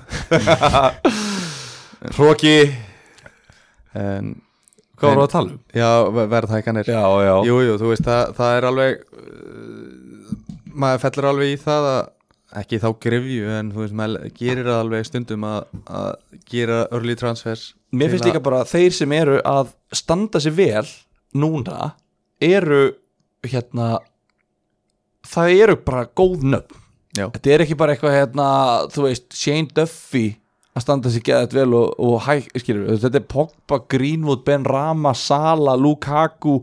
Calvert Lúin, Antón veist, þetta eru bara góði leikmenn. Maður er ekkert eitthvað, hm, býtu, ætti ég að taka núna eða ætti ég að býða eitthvað aðeins? Verður þessi alveg, nema mögulega Ben Rama. Skilji hvað er að menna þannig að mér veist ég einhvern veginn ekki pæla mikið í því. Uh, uh, uh, er Evrópukeppninni alveg að fara að vera vandamál fyrir vestam Getur maður eitthvað sagt það núna? Ég meina, við höfum allavega mjög oft séð að þegar þessi minni liðin en gæsalappa sem er ekkit oft í Evrópu komast ákað þá eru þau að ströggla meir í deildinni heldur en ári áður. Við erum búin að sjá það mjög oft. Já, og þú veist með Antonio sem er bara með ónýta harmstrings ég hef alveg áhyggjur á honum þegar Evrópa byrjar en þangað til þá bara nýtum að stigana. Ef að treysta Tony eða skipta honum yfir í Antonio? Er ekki alltaf að skipta honum Jú. yfir í Antonio? Jó, 100%. ég held að sko, ef að það er spurningin. Svo kemur hérna spurning uh, sem að ég veit ekkert um en ég vona að þið vitum um. er Sala að fara í sótkví Ekki ef, ekki ef Premier Leagues heldur, heldur sig við þessa yfirlýsingu sem er voru að gefa út. Sem er hver, að þeir banni? Þeir ætla að banna leikmennum að fara í landslýsverkefni ef það er raut svæð og þeir þurfa að taka sókví mögulega missa af tveimur leikjum þá þegar þeir koma tilbaka. Sko við komum inn á þetta aðeins áðan en ég held að við höfum ekki neinn konkrétt svör fyrir en eftir þessa umferð sko. Já, skil Herru, svo er verið að tala hérna um fyrirlega val og þá langar mér svona að fara bara svolítið yfir í, í lokin á þættinum og, og tala eins um næsta, næstu umferð uh, Liðin ykkar, eru þið búin að gera eitthvað breytingar? Nei, ekki hann Nei Uh, eru þið búin að ákveða eitthvað breytingar? Eða svona, Ég er að sko að taka sjó eða dinje og já, færa þá eitthvað annað Við, en, engin okkar gerir breytingu í fyrir síðustum verið þannig Guð. Nei, Við höfum allir tvær Já. Ok. það er eiginlega uh, Já, Ætlar að henda sjó eða dinja fyrir, fyrir hvert þá? ég er að skoða að taka sjó út vil taka áhættuna þó að hann sé með 50% eignar hlut að setja hann út af prógramin hjá Dinja um, Fyrir hvert þá? Sjó út hverkjumurinn Ég er að spá í Kressvel eða Kúfal Kressu en það fer eiginlega eftir ég eftir að skoða þetta eins hvort ég, mér vantur pening Já, annars já, já. en ég, ég er með mér, jú, gæti okkur þetta tóni á móti. Ef ég fer sjó niður uh, næ miljón, þá er ég komið 7,5 upp á þið sem reyndar veit ekki hvað þetta gera mér vantar 8,1 Já, þú ert ekkert að pæli að færa sko, eins og þú ert með Bissúma og Tony yfir í Rafinha og bara Opa Femi eða eitthvað. Jú, geggjum pæling Vá, takk. Já, bara að Þessum vel hlustaði Bara pæling. Uh, Gunni? Já, hérna Ég er að hugsa um að selja bara Simikas og taka Livramento eins og hérna. Það er, er ein hugmyndin hjá mér af því ég er bara sáttu með þetta lið en svo gæti ég líka selt Maris tekið teki inn Rafinha. Þetta er svona þetta sem ég er að velta fyrir mér. Ég er, held ég sé ekki að fara að taka neitt hitt sko. Nei, Ætla, þannig ég er, ég er ekkert mikið að stressa yfir þessu. Mér veist ég ekki hafa mikið að vandamálum hana Nei, en þú sjálfur? Uh, Sko, ég er búinn að rífa aðeins Rífa aðeins í, í smá gikk uh, Gerði það í miðum leik hjá Vestam Ég Hvað er ég hérna- ekki eftir því? Ég tók Ben Rama inn á 750 mínútu í leik Vestam og Lester og ég skilaði Jadon Sancho sem er einhver lélegasta ákvörðun sem ég teki á ferlinum sko. Þú veist, ég, var, ég fóru svo mikið í panik að því ég var, þið, þið sáuð template-liðið mitt og svo sáuð þið svona Maverick-liðið mitt. Og ég hugsaði, ég var svo mikið í fyrra að reyna að vera template og reyna að fylgja strömmnum og ég bara, þú veist, það gekk ekki nógu vel til þess að ég geti réttlagt hversu mikið minna gaman þetta var. Já. skilji, þannig ég hugsaði nú ætla ég bara að finna gleðina og ég ætla bara að gera sem að ég vil gera. Það var það sem kom mér í mitt besta rang sem ég náð uh, á að svona taka bara svona temmilega mikið marka tölfræði og, og, og annara manna skoðunum. Þannig ég hugsaði, ok, ég feir bara hérna í Mares ég fer í Dino Sancho alla þessa uh, svo náttúrulega, veist, já, kannski sjátátt á uh, hérna Davíð Reyns útvarsmann og skúla varamarkmann í FC Hel í bóladildinni uh, sjátátt á þá tvo fyrir að halda með mannjú og ráðleika mér að kaupa Dayton Sancho vegna þess að hann sé að fara að byrja bara strax, Flott. hann komi bara beint í byrjunarliðið og bara veði þarna flottur á hægrikanturum og Greenwood sé bara rotation risk út af því að Sancho er eini, er pottitt hægra megin sko. Þannig að bara, já, stórt trós á þá fyrir að ráðleika með þetta. Er þið ekki með þér í mínilíks eða? Jú, Já, þeir eru með mér í mín líks og Heppilegt. þetta var greinilega það er greinilega hérna beitt öllum belli bröðum Já, þetta eru fantabröð þannig sko. þetta, voru, þetta var fanta bræð sko. Þannig að ég tók hann og, og hérna, ekki, ekki lengi að selja hann fyrir Ben Rama. Og núna er ég búinn að gera eina breytingu og líður ógeðslega vel með liðið mitt. Og ég á 3,3 miljónir í bankanum ég með Tímikas og Amartey á bekknum. Og þeir mætti alveg byrja, ég var alveg bara að hugsa bara, ég bara, nei, ég ætla ekki að segja þetta ég var ekkert að pæla í Benz Boost, en ég svona ég veit ekki, mér, mér finnst bara geggja balans á þessu, ég með Maris sem að þú veist, búin að byrja eitt leik og byrja eitt leik út af, þannig að hann á Arsenal heima, ég held að hann geti nú bara eyðilagt Arsenal klubbin já. Á 90 mínútum sko, ég held að hann geti alveg bara látið að leggja niður liðið sitt. Ef hann fær að spila og gerir eitthvað sko. Barnes er þarna líka, þú veist, ég er svona mér langar alveg að eiga tvær skiptingar í landslíkjarinu þannig ég er svona pælarinn að halda í mér. En Tsimikas, ég var líka að velta fyrir mig hvort ég ætti að skila honum fyrir Duffy en svo veit ég ekki, þú veist, er ég þá ekki bara að fresta fjóra miljón krónar vandamáli? Ef að, þú veist, ég veit að Tsimikas er, er búin núna Duffy verður kannski búin eftir mánuð, þú veist, er ég að græða eitthvað mikið á því? Maður fær 38 transfers í, á tímabili. Og ert mögulega að fara að taka valdkart eftir sex Já. umferðir eða eitthvað eins og við erum Þú, er, það er þetta lítið að ég alltaf að taka Duffy. Hvað segir þá ætti ég þetta frekar að taka Duffy ef ég hvað sem er að fara Já, að nota það. já, reyndar já. Nei, þú, en þú tjekkar náttúrulega bara á prógraminu og stillir upp liðinu þínu og hvenam, hversu oft myndur þú nota Duffy hversu oft myndur hann á bekknum? Ef þú ert oft með hann í liðinu þá kaupir hann. Ég ætti ekki að fara að teikna prógrami næstu 13 umferðið bara í Excel þú nota bara? livefpl.net transferplaner nota live fpl.net það er síðan sem við notum til þess að skoða hvar við erum rankaðir live. Livefpl.net og svo fer ég hvað segir svo fyrir transferplaner Já, þar gerur FPL ID-ið á liðinu og þá færðu bara liðið upp. Þá getur bara stilt liðinu umferð og umferð fram í tíman sér alltaf alla leiki hjá öllu leikmönnum í liðinu svo getur bara séð hérna þú getur bara sett inn transferin sem þú vilt gera í hver einustu umferð og þá bara uppdætast liðið þetta eftir því. Þú getur bara að plana hvert einasta transfer út tímabilið þess vegna. Það er sick, ég er að finna þetta hérna. Þetta er bara, ég nota þetta mikið sko. Já, sama hér, notaði mikið í fyrra. Ég var sko, þegar ég var veikastur þá notaði ég þetta veitu, what, ég finn þetta ekki hérna þegar ég var sem veikastur, þá notaði ég hérna bara Excel sko. Þá teiknaði ég bara upp og ég var í svona 8 klukkutíma að skipulegja næstu fjórum fyrir. Það sem vissir eru ekki þá var að þú gæst á Twitter hjá Ben Krellin og downloada sama Excel-skjali -hmm. Ég vissi ekki, Nei, veikt sko. Þannig Ok, ég þarf að skoða þetta En ég er allavega búin að gera einu skiptingu og er svona er svona, já, ekkert eitthvað að flýta mér að gera aðra. Uh, og þá kemur að loka umræðum uh, kvöldsins hjá okkur sem að var mikið spurt út í líka. Fyrirlega val og já, kannski byrjum á kannski, eða, sko, Sala og Bruno eru náttúrulega tveir aðalkallarnir í fantasy í dag. Er, er vittleisa að hugsa eitthvað út fyrir þá? Það er Sala er að kemja mútið Chelsea núna og uh, Bruno mútið Wolves úti. Það er ekki, mér finnst það ekki vera vitleis að hugsa út fyrir þá. Nei. Ok, þá förum við bara í ykkar hugmyndir núna um, um hérna fyrirlega Antonio! Það er bara, í treyjunni var ég hef alveg grunum að hann verður bara vinsalasti kaftetin sko. Hann á hann, er, er hann ekki heima á móti Palas Jú, veist, þetta, hann er alveg mjög gott sjátt sko. Já. en jú, ég meina ef einhver tíman að fara út fyrir þessa tvo akkur ekki gera það núna, Mhm. ég veit ekki Sko, ég er svolítið brendur Ég kafti hann eins og síðasta tímabili á móti Fúlham og þá skila hann engu á meðan að vinsalstu kaftirannir skiluðu vel. Þannig að ég pín brendur eftir það en mér finnst það alveg góður kostur að fara í hann. Þú veist, mér finnst valið vera á milli Antonio og Bruno. Bruno. Hvernig er Wolves búið að vera varnarlega þurr? Fínir, ekki? Já, já, það er máli í rauninni tölfræðilega er ekki mikill munur á Þú Wolves tapa 1-0 Wolves og Crystal. Palace. Nei, ok. Var- Eitt og tap í báðum og kannski sjáta át líka aftur á kóngin í bara, það er kóngurinn í fantasy. Það er hérna það er Davíð Reyns því að hann tók Ryan 1 núri Nú. í uh, liðið sitt fyrir fyrstu umferð sem er búin að spila 6 mínútur á tímabilinu og fá 1 stig og aðeins búin að lækku með 0,1 miljón komið neyri 4,4 þannig að hérna, þeir sem vilja fætti hans fótspor og, og tryggja sig í vörninni ég held að, að Vúls hafa ekki fengið á sig mark síðan með, með eitt núri inn á vellinum á tímabilinu.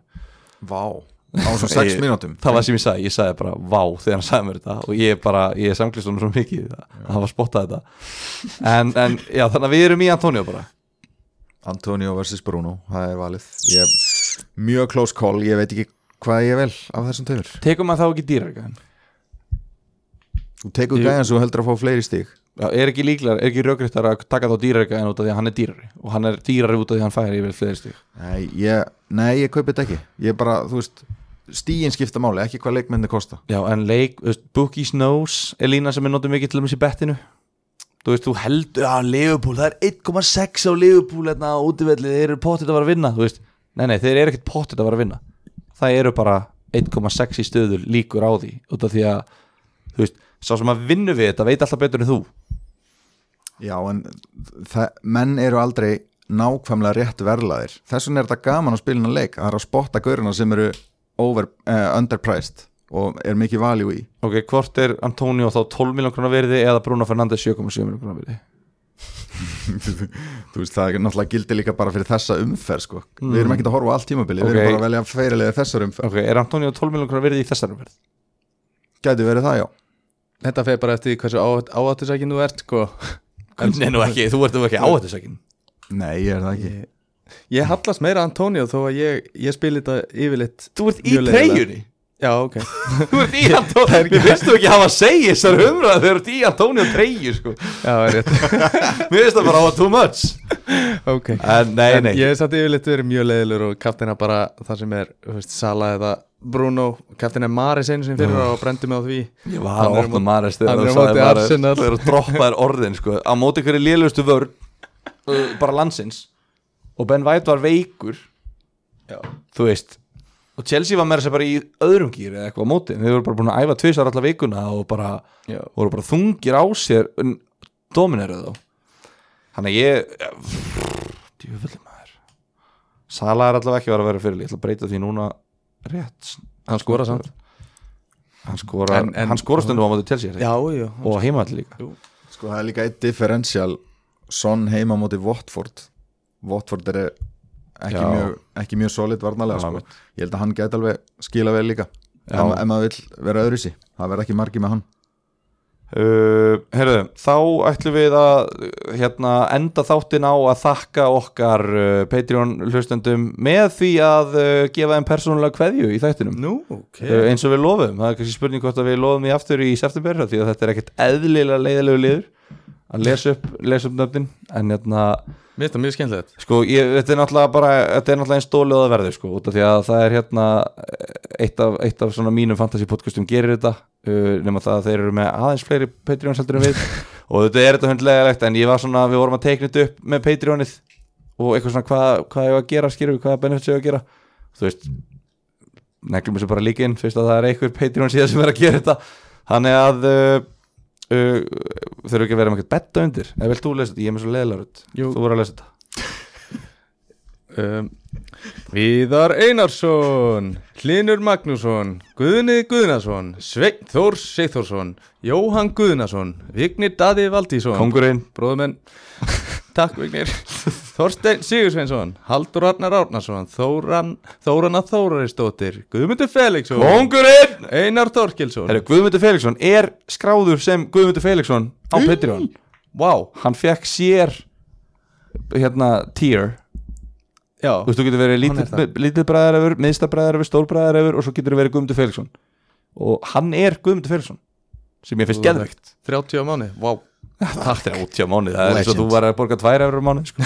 Það er ekki neitt fyrir hann gæði, sko. hann er, sko, er spunalegari Einar Þorkelsson, Heiðar Þór Stefansson, Andrés Andrisson, Eithór Orri Árnason, Massabón, Valtýr Þórisson, Tappabe, Kongurinn Edda Kristín, Eiríkur Búi Haldursson, Sindri Kamban, Kristófi Sigursson, Kongurinn Baldur Bjarnason og Já, og það er ekki meir jú, það eru, það, er, að, það eru svona, alveg mjög margir viðbót sem að sjást ekki hana. Já, sko, þetta eru, þetta eru bara miðstar og stórir Já, ok. Restin eru litli bræðar yfir Já, og þeir já. fá ekki nafni sitt Það er ekki hluta því að vera lítill bræður Það er rétt. Þannig að þeir þurfa að uppgreita ef þeir vilja fá nafni sitt í þættinum Ég veit ekki hvort sem að fara að gera þetta í hverjum þætti Við þökkum nýjum, við þökkum nýjum Patreons. Já, ég að gera það? Já, Ok, það er samt svo kjánalegt ef það kemur engin nýr. Við ætlum að þakka engum fyrir þennan svona engin random name generator. Já, Jeffrey Skloop Takk fyrir. Já, leikmaður í ennsku úrvasteldinni Hann er skráður. Takk fyrir okkur. Hérna, Já, en bara endilega bæti ykkur í hópin Við viljum, uh, við viljum lengi þennan lið Og hérna patreon.com skástrík fantabröð fyrirfram ástarþakkir. Uh, Takk fyrir okkur. Takk